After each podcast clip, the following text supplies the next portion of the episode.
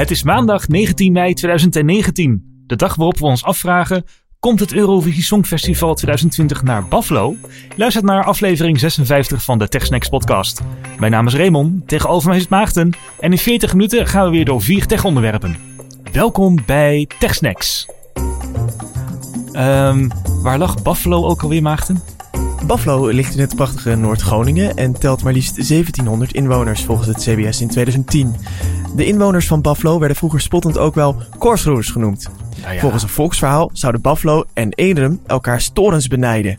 Nou goed, dat dus op de Wikipedia-pagina van Buffalo. Ja, elk gehucht wil eigenlijk wel eh, het Eurovisie Songfestival volgend jaar gaan organiseren. Ik vond het zo mooi. Je zag op, eh, in alle regionale nieuwsites en op alle regionale kranten dat een VVV of zelfs een lokale politieke partij inderdaad had gezegd van ja, wij kunnen dit. Kom maar, kom maar naar Dordrecht, kom maar naar Buffalo, kom maar naar dit, kom maar naar dat. Dus eh, de strijd is losgebarsten.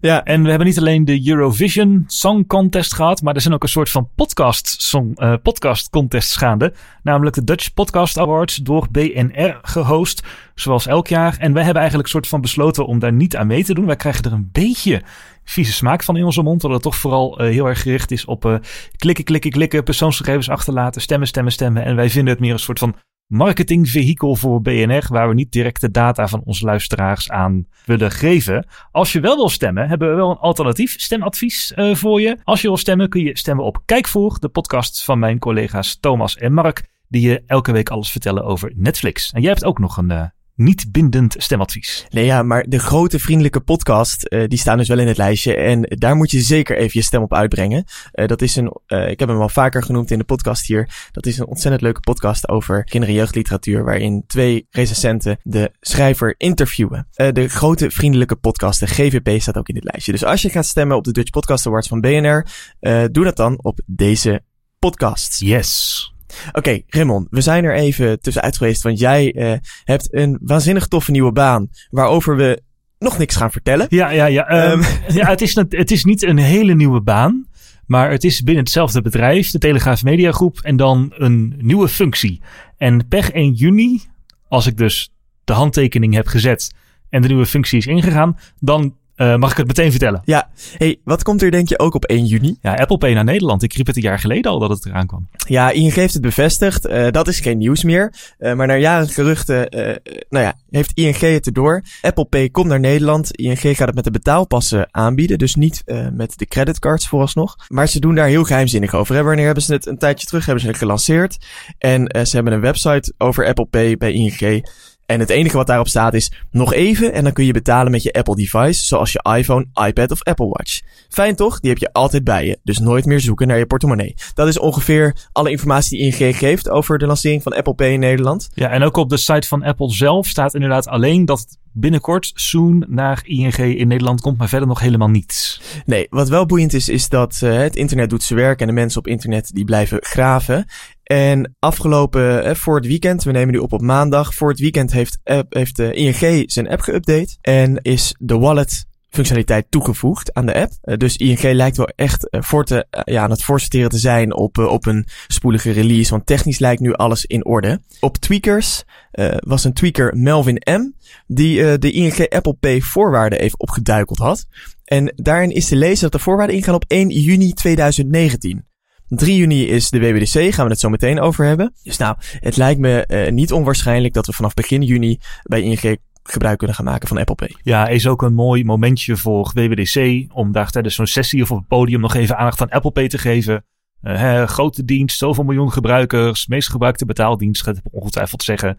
En eh, vanaf die en die datum ook in Nederland. Dat lijkt me wel een goed eh time moment. En Apple hoeft daar tegenwoordig geen iOS-update meer voor uit te brengen. Volgens mij zit alles wat nodig is inderdaad in die ING-app en in iOS 12.3. Dus het lijkt me een kwestie van aan de kant van de backend een switch over omzetten en dat Apple Pay dan live kan.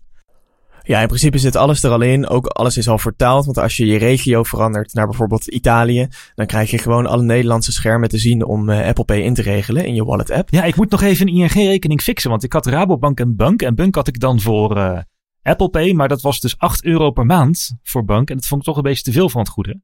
Dus die heb ik maar even opgezegd. Ja, ik ben eh, al jaren vaste ING-klant. Tenminste, dat is ooit uh, vanuit de postbank uh, is dat doorgegaan. Vader en moeder bankierden bij de postbank, dus ging ook zo'n lief met een pennyrekening naar de postbank. Ja, ja. Ja, ik vind het qua functionaliteit van de app en zo, het werkt allemaal zo ontzettend fijn. Dus dat heeft ING wel slim gedaan. Ze hebben dit vrij vroeg aangekondigd ten opzichte van de release. En op die uh, Sumire website vind je namelijk nog één grote knop en dat is hoe je een ING-rekening opent. en dat gaat ze een hoop klanten opleveren, want in België hebben de, heeft het ook voor enorme wachtrijen bij de Hello Gezorgd. Dat is een soort van virtuele bank waar je een, uh, ja, vooral voor jongeren is die. En die was uh, onderdeel van uh, de bank in België die nu ook Apple Pay aanbiedt, BNP Paribas. Uh, en daar hadden ze ook een soort run op rekeningen. Dus ik denk dat ING zich op kan maken voor een toestroom van nieuwe klanten. Ja, en interessant is dat Apple Pay waarschijnlijk niks extra's gaat kosten oh. voor de klanten van ING. Hm. Dus, uh, want dat is eigenlijk de grootste kritiek waarom andere banken niet meegaan. Het mediacircus is natuurlijk gaan draaien na die uh, aankondiging van ING. Maar de Rabobank en de andere grote banken, ja, die hebben gezegd nog niet mee te gaan met Apple Pay. Of in ieder geval uh, het standaard antwoord dat ze de ontwikkelingen volgen. Ja, ja, ja, Waarschijnlijk heeft dat toch met de hoge kosten te maken ten opzichte van de conventionele pinbetalingen. Ja, wat dat verder zal gaan betekenen, dat, dat weet ik niet. Maar we weten één ding zeker, dat is dat ING uh, Apple Pay met de betaalpassen gaat starten en gaat uitrollen. Dus waarschijnlijk begin juni. Uh, dus dat is al uh, vrij snel. En uh, dat Molly is vandaag bekend geworden. Uh, Apple Pay via de webwinkels gaat aanbieden. Dus elke webwinkel die zijn betaalfunctionaliteit met Molly heeft ingericht, zal waarschijnlijk Apple Pay gaan ondersteunen om ook online betalingen via deze weg te kunnen doen. Ja, en dat is voor ontwikkelaars van webwinkels of mensen die de Molly plugin in een app of een webshop gebruiken inderdaad een kwestie van een vinkje zetten. En Molly accepteert dan ook Apple Pay, hebben ze vandaag aangekondigd. En Molly, dat wordt door meer dan 60.000 webwinkels en webshops gebruikt. Onder andere door de ANWB, Deliveroo, Game Mania en TicketSwap. Dus die zijn straks allemaal klaar voor Apple Pay, dankzij die betaalprovider. Dus alle raderen draaien in Nederland. Ja, en niet alleen binnen Nederland, want Apple Pay is dus best wel uh, weer in beweging. Hè? Het heeft een tijdje stilgestaan na de release, maar ineens horen we er steeds meer over. Want um, het zijn wel allemaal uh, nieuwtjes waarvan je wist dat ze zouden gaan komen. Mm -hmm. Maar Apple Pay gaat meer doen met uh, het openbaar vervoer. In iOS 12.3 is namelijk een nieuwe functie verschenen. Dat heet Express Transit. En dat betekent eigenlijk dat je met Apple Pay kan gaan inchecken bij het poortje voor het OV. Uh, zonder dat er authenticatie voor nodig is. Dus zonder een Touch ID of een Face ID. Je kan dus meteen in- en uitchecken bij het OV. Uh, daarvoor heeft Apple een apart profiel gemaakt. Um, een profiel binnen iOS. Uh, dat OV-aanbieders moeten ondersteunen. En als nou ja, dat met elkaar gelinkt is, dan kan je via Apple Pay met het OV gaan reizen. vooralsnog werkt dat alleen in de metro van de Amerikaanse stad Portland. Maar um, het is een nieuwe functie, dus een uitrol wordt wel verder verwacht. Ja, en dat zegt dus vooral dat je je iPhone ook als soort van domme OV-chipkaart kunt gaan gebruiken. Want eerst was het inderdaad, dat was met Touch nog wel te doen. Als je dan wilde inchecken in Londen bijvoorbeeld, kan het met de metro, heb ik eens een keer gedaan. Dan kon je gewoon je vinger op Touch ID leggen en je iPhone voor dat bochtje houden. Dan activeerde Apple Pay en kocht je een enkeltje. Maar met Face ID is dat lastig hoor. Als je je iPhone voor dat bochtje moet houden, je moet eerst met Face ID scannen. Dat is best uh, lastig om te doen. Dus goed dat ze inderdaad nu gaan zeggen, je kunt met die Express Transit was het uh, kun je uh, als een OV-aanbieder dat ondersteunt gewoon inchecken zonder authenticatie. En dat lijkt me toch voor een translink bijvoorbeeld niet heel erg moeilijk te implementeren. Ja, hoe ga ik dit netjes zeggen? Onderschat niet hoe lang het soms kan duren voordat een functie bij de OV-chipkaart en translink systems live gaat, van idee tot live. Uh, ik ken een aantal ontwikkeltrajecten die daar plaats hebben gevonden. Dat was behoorlijk heftig. En in Nederland hebben we natuurlijk een project dat heet Invisible Tickets uh, in samenwerking met de NS. En daarmee krijg je een soort van QR-code op je iPhone. Volgens mij hebben we het in de podcast er ook wel eens over gehad. Ik heb het ook geprobeerd. Daarmee krijg je een soort van QR-code op je iPhone. Die kun je voor het poortje houden en dan geldt die QR-code als OV-chipkaart. Um, en dat was ook wel leuk.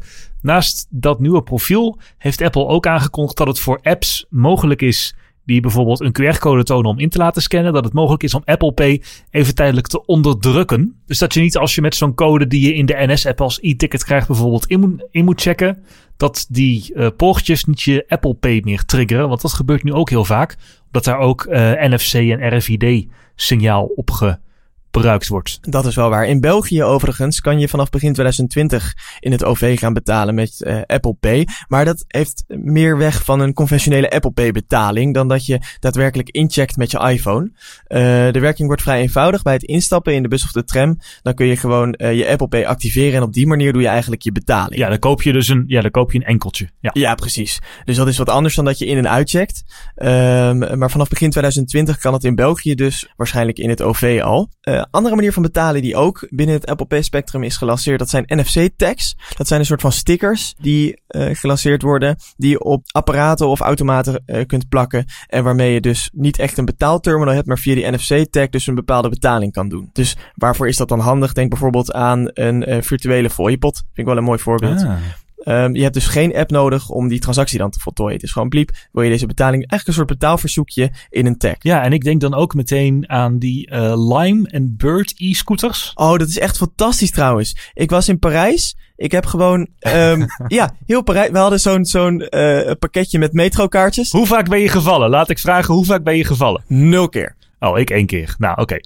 en we hadden zo'n pakketje, pakketje metrokaartjes gekocht in Parijs. En uh, we zijn met bijna het hele pakketje metrokaartjes weer in Nederland geland. Want uh, we hebben heel Parijs gezien uh, op de Bird elektrische step. Ik vond het echt fantastisch. Ja, ik had het dus in Warschau. Ik was op vakantie naar Warschau. En daar heb ik ze voor het eerst ook geprobeerd inderdaad. dat was wel lachen. Alleen ja, het is dan inderdaad wel een gedoetje dat je eerst een creditcard moet koppelen aan die app. Dan een account. Dan moet je die code op dat ding checken. Soms het een sticker waarop die code staat vrij. ja, niet in hele hele goede staat, zal ik maar zeggen. Dan moet je het nummer overtikken. Dus als Apple nou op al die deelfietsen of deelscooters een NFC-tag kan plakken, waar je gewoon je iPhone bijhoudt, dat je niet eens uh, de app nodig hebt, maar dat het gewoon aan de hand van wanneer je start en wanneer je stopt berekend wordt. Ja. Dat lijkt me ideaal. Ja. ja. Dus um, wat dat betreft is Apple Pay enorm in beweging. Ja, en bij die automaten in België, dat gaat dan om de Mobip automaten. En dat zijn gewoon de in- en uitcheckautomaten die in de tram zitten en bij de metro moet je dan inderdaad je, je de poortjes openen met je iPhone. Uh, controle wordt er wel een beetje lastiger. Ja, ik weet eigenlijk niet hoe ze dat zullen doen. Ik weet niet of je je of, of je dan kan zien als je de iPhone scant, de NFC-chip van de iPhone, dat hij dan een signaaltje naar de terminal kan geven van uh, er is een actieve rit bezig of deze persoon is ingecheckt. Dat moet toch wel kunnen? Ja, dat lijkt me wel. Ja, en anders heb je altijd die notificatie die je krijgt als je met Apple Pay betaalt van ja. je hebt zojuist 1,20 euro betaald aan openbaar vervoersmaatschappij Brussel. Ja. Dus die zou dan nog wel.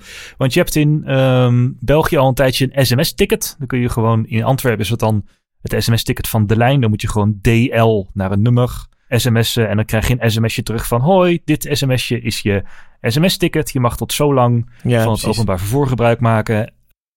En dat moet je dan laten zien aan controle. Dus misschien wordt het wel op die manier uh, geregeld. Het lijkt me niet heel ingewikkeld. Wel mooi dat er eindelijk dingen gebeuren met Apple Pay. Ja, en allemaal innovaties. Um, uh, het, het, lijkt nu gewoon ook nog allemaal helemaal goed te gaan. En we hebben weinig beveiligingsproblemen gehoord over Apple Pay.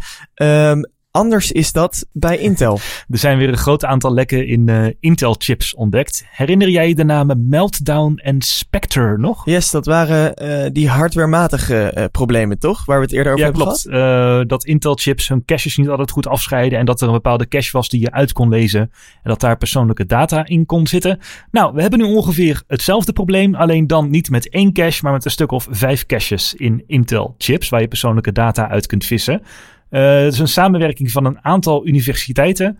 Onder andere de Vrije Universiteit in Amsterdam heeft er mee aangedaan. En die droppen nu een soort van bom op Intel. Want er zijn meerdere lekken gevonden, hardwarematige lekken in Intel-chips. Uh, we hebben Rogue Inflight Data Load, ook bekend als Riddle, van de Vrije Universiteit Amsterdam. Nog een ander lek dat heet Fallout van de KU Leuven.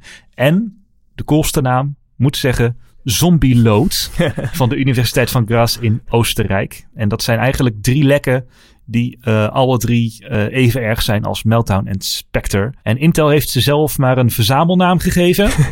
dat is ook een beetje dubbel. om, daar nou, om daar nou steeds uh, naar alle drie te gaan verwijzen is misschien een beetje veel. Intel noemt het Microarchitectural Data Sampling, oftewel MDS.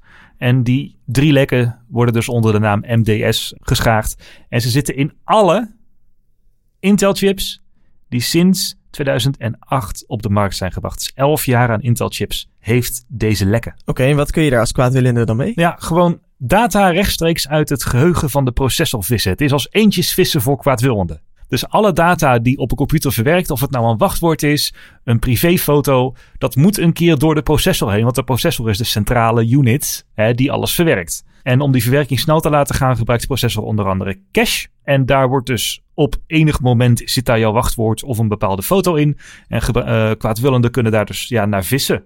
Want alle data die je computer verwerkt gaat door de CPU.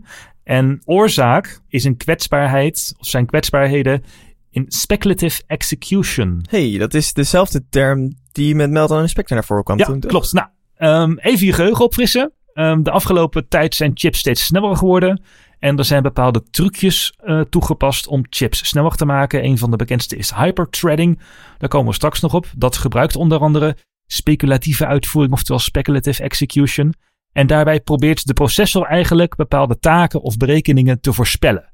Uh, dus de kans is groot dat jij als gebruiker, als jij actie A doet, daarna altijd actie C doet. Maar je kunt ook actie B en D doen. Dus om zeker te zijn, gaat de processor alvast vooruit denken en denken: Nou, als ik nou na actie A zowel actie B, C als D uitreken, dan heb ik zeker de juiste berekening alvast in mijn chip en kan ik meteen door naar de volgende actie. Want die heb ik alvast maar uitgerekend. En hij laat dus ook alle data die nodig is voor zowel actie B, C als D in zijn geheugen. Uh, en dan kan de berekening gewoon eerder uitgevoerd worden als jij dan inderdaad doet wat de processor heeft voorspeld. Dan kan hij zeggen, oh, had ik al uitgerekend, is al klaar, dan.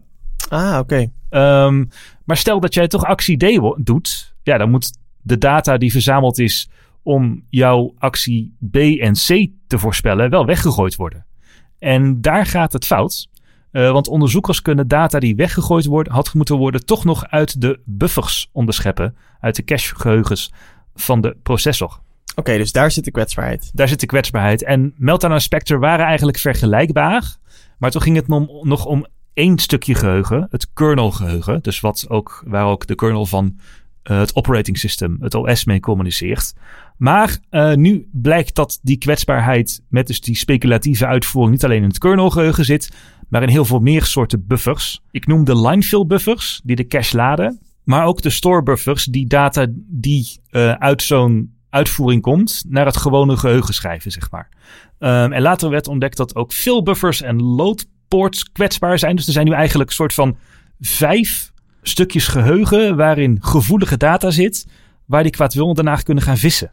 Oké, maar dat klinkt heel ernstig. Maar hoe ernstig is het nou? Ja, daar waren Intel en die onderzoekers het niet helemaal over eens. Want Intel wilde aanvankelijk pas later dit jaar info over deze lekken bekendmaken. Ze wilden het verder onderzoeken en uh, patches testen. Maar die onderzoekers zeiden: nee, wij vinden dit zo erg dat we desnoods zelf naar buiten gaan komen. Nou, en toen is een al toch maar besloten om publiek te gaan met deze informatie. En om het te misbruiken moet je steeds dus als een soort ja, eentjes vissen, data uit die buffers gaan vissen en kijken of er wat boeiends in zit. Want er gaat een hele hoop data heel snel door die buffers. Er gebeurt van alles op je computer. Dus de kans dat jij het juiste stukje data vindt uh, daar moet je flink voor in dat geheugen zitten te vissen. En de onderzoekers konden wachtwoorden uit de cache halen. Maar daar hadden ze wel 24 uur voor nodig om daar regelmatig in te vissen. En daarom vond Intel het een lagere prioriteit. Oké. Okay. Uh, ja, de onderzoekers zeggen trouwens wel dat het sneller kan. Um, dus daar zijn ze het niet helemaal over eens. En de waarheid ligt ongetwijfeld ergens in het midden. Oké, okay, maar is het goed te patchen? Um, en het is wel te patchen, maar het moet eigenlijk op een heleboel verschillende niveaus gepatcht worden. Want het probleem okay. met deze kwetsbaarheden is dat het ook in de browser misbruikt kan worden. Dus de code die eigenlijk nodig is yeah. om die stukjes geheugen uit te lezen, die kan via JavaScript gewoon ingeladen worden op je computer. En JavaScript, ja, dat zit in elke website, maar dat zit ook in elke advertentie tegenwoordig. Dus iemand zou kwaadwillende zou advertenties kunnen inkopen via een advertentienetwerk en die uitserveren en daar die kwaadaardige code in te doen. Maar moeten we hier nou als gebruikers helemaal van in paniek raken en denken van oké, okay, laten we maar allemaal essentiële dingen niet meer doen op de computer? Of zal het zo'n vaart niet lopen? Nee, de meeste uh, OS'en hebben inmiddels al patches. Dus Windows, Linux en macOS hebben patches. Dus uh, als je Windows 7, Windows 10 of Server 2008, 2012, 2018 gebruikt, dan heb je al een update. Uh, Google heeft in Chrome een update gedaan die dit onmogelijk maakt om via JavaScript te misbruiken. En macOS 10.14.5 is uitgebracht. En ook daar heeft Apple maatregelen genomen. Maar dat, is, dat zijn alleen maatregelen die het misbruik via de browser stoppen. En dus nog niet, stel jij downloadt een kwaadaardige app die op zijn gemakkers dat geheugen leeg gaat vissen en daar rustig drie dagen op jouw computer kan lopen te vissen, dan kan het nog steeds. En het probleem is ook een beetje dat dit een hardwarematige, dat dit een hardwarematige fout is in die chips. Ja, maar kun je dat dan alleen eigenlijk oplossen door een nieuwe chip erin te stoppen? Een fysieke nieuwe chip? Ja, of hyperthreading uit te schakelen. Nu is dat een beetje een grote stap. Uh, want dat hyperthreading, een CPU heeft één core, maar die core kan weer opgesplitst worden in verschillende processen. En die verschillende processen die wisselen dat geheugen uit om die berekeningen te doen. Wat ik vertelde, die A, B, C en D. Oh ja. uh, daar wordt binnen hyperthreading gebruik van gemaakt. En om helemaal veilig te zijn, moet je hyperthreading uitzetten. En dat zorgt er dus voor dat data niet tussen die virtuele processen uitgewisseld wordt. Maar ja, dan gaan de prestaties van de computer wel echt naar beneden. Ja, ja, dat verschilt een beetje. Daar is niet echt één ding over te zeggen. De ene app zal daar veel trager door worden, de andere niet. Maar degene die echt het, het meest getroffen zijn, dat zijn wel de providers die clouddiensten aanbieden, zoals Amazon of een Google. Uh, want die gebruiken natuurlijk wel hyperthreading om heel veel virtuele machines en virtuele processen in die cloud te schalen. En uh, er was een blogpost van, ik meen uit mijn hoofd, Digital Ocean, waarin iemand zei: We hebben de patches van Intel getest en we hebben hyperthreading uitgeschakeld. En het scheelt ons gewoon 20% aan capaciteit. Oké, okay, dat is wel fors, ja. Dus het is, het is alsof je CPU een soort downgrade krijgt naarmate die ouder wordt dan, uh, door deze patch. En hè, voor jou en mij, onze PC's, onze Macs, daar staat niet zo heel veel boeiend op. Maar stel nou dat jij in de cloud zit en dat jouw buurman allemaal betaalgegevens verwerkt via fysiek dezelfde processor als waar jouw oh ja. blogje op draait. Dan zal jij dus met kwaadaardige code die cache kunnen gaan leegvissen. Dus voor cloud providers hm. is het wel echt een enorm deal. Want zij moeten gewoon zorgen dat hun klanten niet in elkaars cache kunnen gaan vissen als ze een CPU delen. Dus voor consumenten ja, updaten en het zal redelijk meevallen. Maar gewoon voor industriële toepassingen is dit wel een kleine nachtmerrie. Ja, dus er moeten nog een hoop ontwikkelaars nachtjes doorhalen om dit te proberen te fixen. Raymond, waar ook een hoop ontwikkelaars zullen zijn, dat is bij de WWDC. Ja, daar hadden we het bij het uh, Apple Pay uh, verhaaltje al even over. Apple's uh, ontwikkelaarsconferentie begint weer op 3 juni 2019. Dan is het weer zover. En um, hij duurt de hele week, hè, die conferentie. Er zijn workshops, sessies voor ontwikkelaars. Maar als consumenten uh, hebben wij eigenlijk vooral interesse in de keynote, waar Tim Cook en Craig Federighi en Phil Schiller en uh, die ik vergeet, nog mensen die ik vergeet, ons weer door nieuwe functies in uh, iOS 13, macOS 10.15 en WatchOS 6 kunnen gaan loodsen. Oh, en weet je wie er ook is? Ik hoop niet Madonna. Raymond oh. Mens van TechSnacks. ja, ga je er weer heen? Ja, uh, ik heb inmiddels een uitnodiging van Apple in mijn mailbox. Leuk. Uh, dus ik ga er weer heen. We hebben tijdens alle Apple-events ongeveer waar ik heen ging geprobeerd om wat met TechSnacks te gaan doen. Maar ik ben die dagen zo druk dat ik niet weet of het gaat lukken. Uh, we gaan het zien. Maar in ieder geval zit je daar in de zaal. Laten we in ieder geval beloven dat je via de TechSnacks social media, dus Twitter, het een en ander zal delen. En we gaan proberen wat met audio te doen voor jullie, maar dat wordt uh, nog even afwachten. ja, wat ik dus ga proberen. Apple um, deelt altijd van die scholarships uit aan studenten. Veelbelovende studenten die mogen dan gratis naar WWDC. En daar zitten ook een aantal Nederlanders bij. Dus ik ga eens proberen of ik een interviewtje kan doen met uh, die Nederlanders die dit jaar de WWDC, de WWDC scholarships hebben gewonnen. Want ik ben er toch en zij zijn er ook. Dus uh, kijken wat hem drijft en beweegt om te ontwikkelen wat voor apps ze hebben gemaakt. Dus kijken wat ze van WWDC vinden. Nogmaals, Misschien is het hartstikke druk, kan ik het niet waarmaken, maar ik ga het wel proberen. Leuk. Nou, als dat er komt, dan vind je dat als special in de feed van TechSex. Maar we gaan nu even vooruitkijken. Um, want de WWDC komt er dus aan. Je noemde al even iOS 13, uh, macOS 10.15, WatchOS 6 en uh, een nieuwe TV-OS komt er waarschijnlijk aan. In volgorde van boeiendheid, zeg maar. Nou ja, precies. Hoe spannend is dit nog? Ik bedoel, er zijn tijden geweest dat je, uh, toen iOS 7 kwam met een enorme design overhaul, toen iOS 11 kwam met een heel aantal nieuwe functionaliteiten, maar zijn we niet een beetje nu in de marge beland waarin, ja, sommige tweaks wel leuk zijn, maar uh, het spannende er wel een beetje van af is? Ja, dat is dit jaar denk ik ook wel. Al als je een, als je een productiviteitsstijger met een iPad bent, dan wordt het wel een spannend jaar voor je. Vooral voor iOS. En iOS is sowieso altijd de hoofdmode. Want je kunt het niet geloven, na meer dan 11 jaar dat iOS bestaat, wordt het startscherm op de iPad volgens de geruchten eindelijk vernieuwd. Zo. Ja, um, dus je, je, kunt, je hebt dan een iPad die waarschijnlijk niet alleen meer uit een rij met icoontjes bestaat, maar uit uh, veel meer uh, opties voor een startscherm. en het moet toch ook wel een keer tijd worden. Als je die, die iPad Pro hebt, wat is ook alweer de, de schermdiagonaal daarvan? 12,9 inch maximaal. Dat is 12,9 inch, wat je gewoon gevuld hebt met dezelfde domme iconen die ook op je iPhone Ja. staan. Dus eh, ja, het geruchtencircuit zegt dan inderdaad, en ontwikkelaars die hebben dan al, of, eh, en Mark Gurman is dan vooral de aanvoerder van die geruchten, die zegt dan, ja, van mijn contacten binnen Apple weet ik dat het homescherm een grote makeover krijgt, maar ik weet niet hoe het er precies uit gaat zien. Dus dat is nog wel spannend waar Apple mee gaat komen. En ook als we toch bij de iPad zijn, multitasking op de iPad wordt naar verluid verbeterd. Je kunt nu eigenlijk alleen een, twee apps naast elkaar doen, maar blijkbaar kun je straks ook met vensters en panelen gaan werken. Dus misschien een beetje Mac-achtig. Eh, en ook meerdere eh, eh, instances, meerdere keren dezelfde app openen. Dat vind ik bij browsers wel handig. Ik heb soms Safari drie keer openstaan. Eén voor mijn werk, één voor Facebook en Twitter en nog één voor wat research. Oh ja. En, bij, en die ook naast elkaar in splitscreen. Maar je kunt nu op de iPad niet twee van dezelfde apps in splitscreen doen. Oh ja. Dus dat wordt waarschijnlijk wel handig. En hadden we het al over de crowd pleaser gehad. Ik durf te wedden dat voor dark mode dat daar een enorm applaus voor in de zaal zal komen. Ja, maar goed, ook dat vind ik wel wat laat. Eerlijk gezegd. Ja, Android begint er nu ook pas aan hè, met Android Q. Dus Ja. ja. ja, de Mac had het vorig jaar al. Ja. Nou ja, we krijgen apps met vensters dus. Dat is vooral voor de iPad handig. En eh, Gmail-gebruikers die kunnen weer veilig terug naar de ingebouwde mail-app. Want die krijgt allerlei functies naar verluid. Ook ehm, die Gmail ook heeft. Zoals het automatisch herkennen van nieuwsbrieven. En het in verschillende potjes en labels stoppen van betaalbewijzen. En social updates en forum updates. Oh ja. Dat wordt blijkbaar ook ehm, in de mail-app gedaan. Dus allemaal een beetje incrementele updates. Nog zo'n incrementele updates die vooral de power users gaat pleasen en de designers vooral. Dat je makkelijker lettertypes kunt installeren. Dat is op iOS nu echt een hel. Ja, maar voor de iPad Pro wel belangrijk. Ja. Eh, iOS 13 kan het al gewoon via de bestanden-app eh, font aanklikken. En dan zegt hij, oh, moet ik deze installeren? Eigenlijk een beetje net zoals de Mac. Hey, en wat gaan ze met Siri doen? Want die kan natuurlijk nog steeds droevig weinig ten opzichte van de concurrentie. Gaan ze eindelijk met een nieuwe Siri komen? Of gaat Siri gewoon nog steeds een soort van de achterhoede vormen van de persoonlijke assistenten? Die eigenlijk net te weinig kan. Ja, het is een beetje lullig, want vorig jaar hebben ze echt met dat Siri Shortcuts... hebben ze echt een enorme slag geslagen. Je kunt daar praktisch Siri bijna alles door laten doen. En niemand gebruikt het, want het is heel moeilijk. Het is veel te complex. Ja, dus gaan ze nu weer maar gewoon eh, terug naar het toevoegen van ondersteuning voor nieuwe diensten binnen Siri. Dus hij kan straks niet alleen Apple Music via Siri bedienen in iOS 13, maar ook Spotify. Ze gaan muziekapps ondersteunen naar verluid. Ja, weg tijd hè?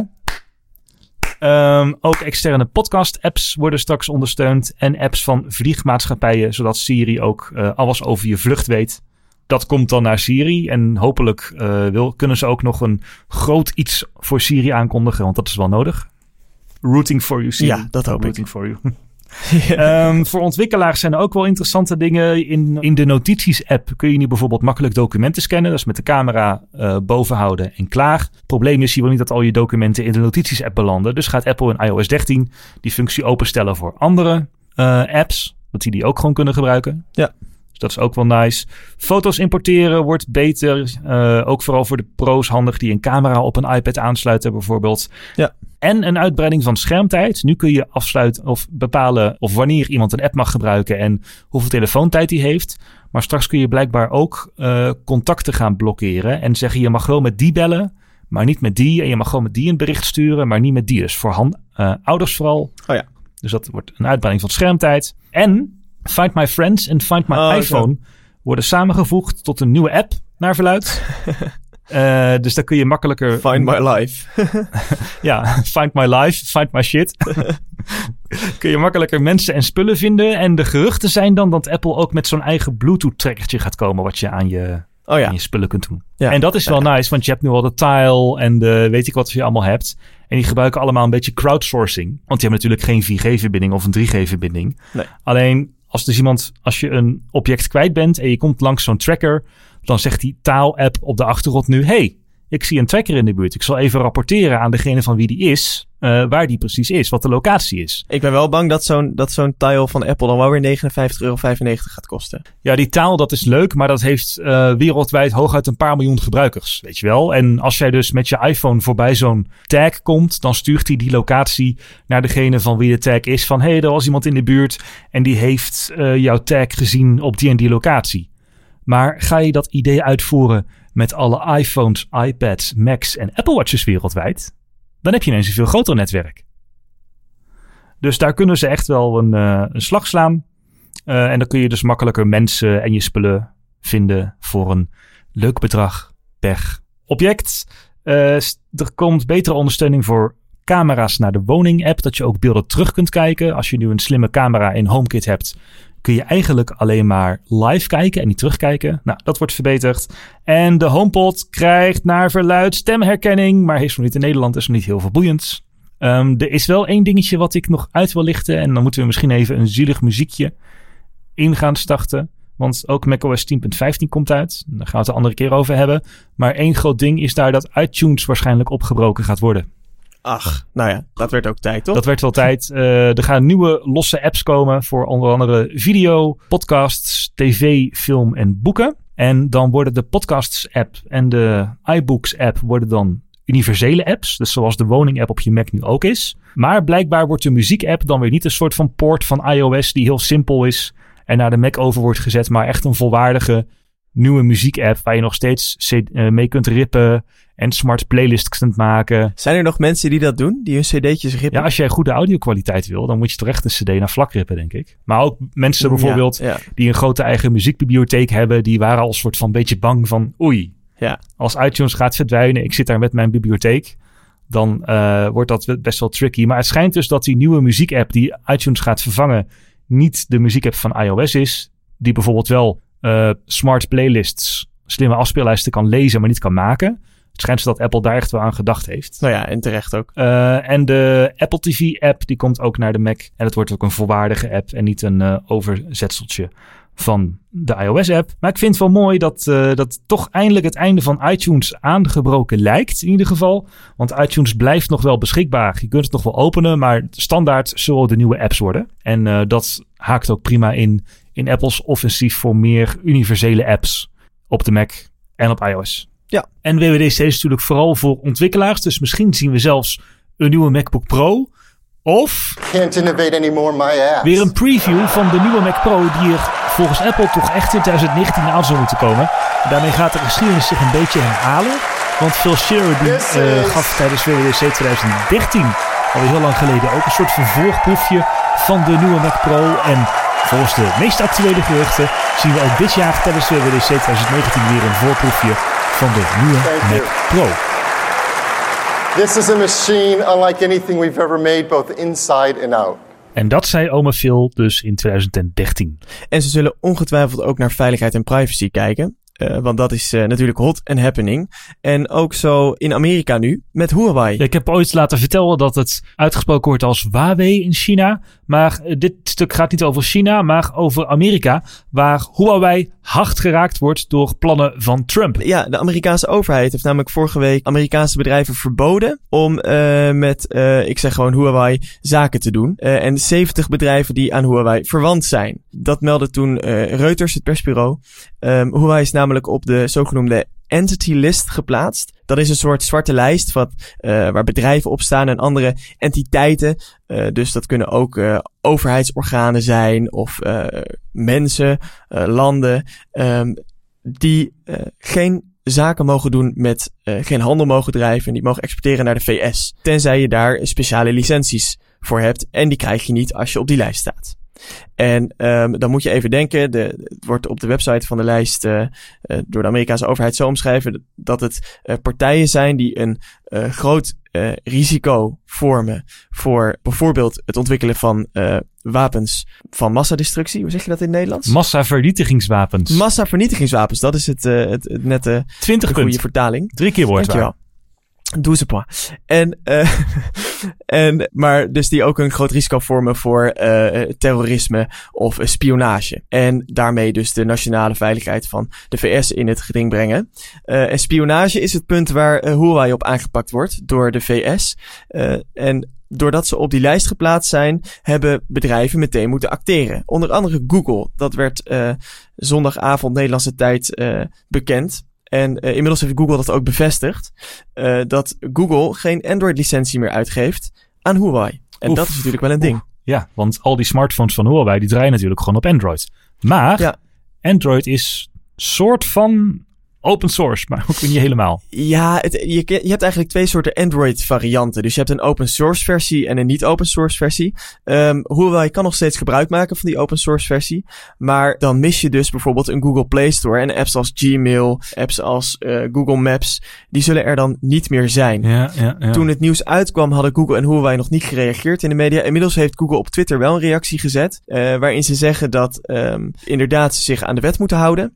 En uh, sinds dat die lijst, sinds dat Huawei op die lijst staat, dat ze zich daar aan moeten houden. Maar dat services like Google Play and Security from Google Play Protect will keep functioning on your existing Huawei device. Dus ze zeggen specifiek dat op de huidige Huawei toestellen dit soort uh, Google Play en uh, security functies wel zullen blijven werken. Maar ik verwacht dus dat de nieuwe toestellen dat niet meer zonder, zullen ondersteunen. Omdat die op de open source versie van Android moeten gaan draaien. Ja, dus als jij nu een toestel van Huawei koopt, is het waarschijnlijk niet mogelijk in de Verenigde Staten om in te loggen op de Google Play Store of om je Google-account te activeren, want Google mag geen zaken meer doen met Huawei. En dit zijn best wel heftige sancties hoor. Dit is echt niet mis, want hè, de VS was al een tijdje aan het dreigen, ook richting uh, andere landen. Van, het was bijvoorbeeld het voorbeeld van Duitsland.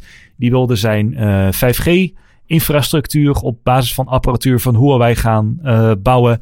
En toen heeft de VS tegen Duitsland gezegd: prima, soeverein land, mag je doen. Huawei, wij uh, vinden het een risico.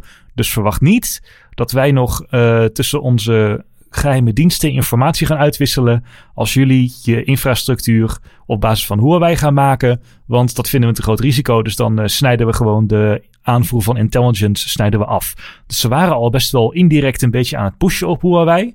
Maar nu is het echt wel heftige maatregelen. Ja, en ook in Nederland is er veel te doen over Huawei. Dat is natuurlijk ook veel in het nieuws geweest. En binnen de politiek zijn er geluiden om uh, onder andere de zaken met Huawei te verbieden.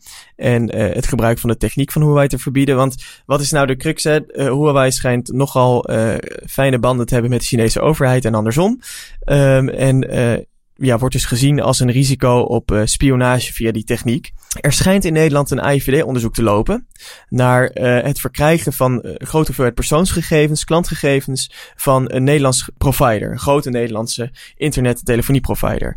Um, overigens laten de AIVD en de grote providers niets los op ontkennen betrokkenheid, maar dat is wel passend bij zo'n lopend onderzoek. Maar het zou dus zo zijn dat Huawei inzicht had in de klantgegevens van een grote Nederlandse provider. Precies, precies. En dat okay. is natuurlijk wel zorgelijk. Als je kijkt naar ja, de geopolitieke rol van Huawei en de Chinese overheid. Nou ja, dit is ja, een soort van. Er wordt nu heel erg moeilijk gedaan, inderdaad, ook door in Nederland over. Ja, moeten wij onze 5G-infrastructuur uh, wel op basis van apparatuur van Huawei gaan aanleggen? Maar de grap is. De netwerken van Nederlandse providers, zowel mobiel als bijvoorbeeld glasvezel, die zitten vol met apparatuur van Huawei. Ja. Dat is, wordt overal gebruikt. Dus er wordt nu heel erg paniek gezaaid inderdaad over de stap naar 5G en of Huawei er dan wel of niet bij moeten zijn. Maar als er echt problemen zijn en de crux is ook een beetje de VS schreeuwt heel hard dat ze bewijs hebben dat uh, de Chinese staat via Huawei heeft gespioneerd.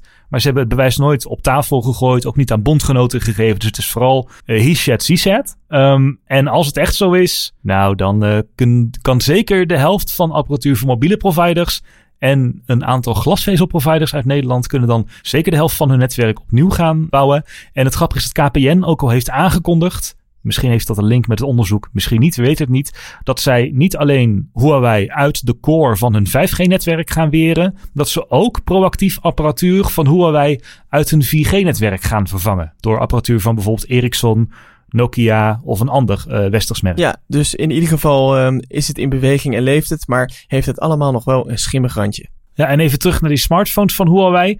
Op het moment dat we dit opnemen is nog een heleboel onzeker. De fabrikant heeft alleen gezegd dat bestaande toestellen of toestellen die nu al uh, in het dealnetwerk zitten en ergens bij bijvoorbeeld een mediamarkt op de plank liggen, die behouden Google Play, uh, Google Services en al gewoon de hele Google skin, maar nieuwe toestellen niet. Ja, zullen de toestellen die hier in Nederland uh, verkocht worden, zeg maar de nieuwe toestellen, nog wel gewoon de normale Android-versie hebben? Of mag Google helemaal geen zaken meer doen met Huawei? En zullen dus ook de toestellen die elders gedistribueerd worden, uh, een open source versie van Android krijgen? Ja, hoe ik het nu lees, is dat gewoon Google mag geen software meer leveren aan Huawei.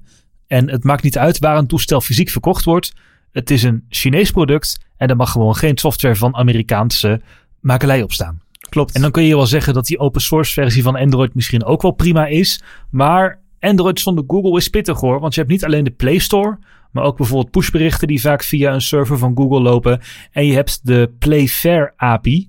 En daarmee kunnen apps eigenlijk soort van checken of het toestel niet uh, geroot is. Of dat er niet mee geknoeid is. En onder andere de app van Netflix. Die checkt eerst bij Google. Hey, staat dit toestel als veilig te boek? En dan kan die app pas uitgevoerd worden. En Huawei mag die API call naar de uh, safety API van Google dus ook niet meer maken.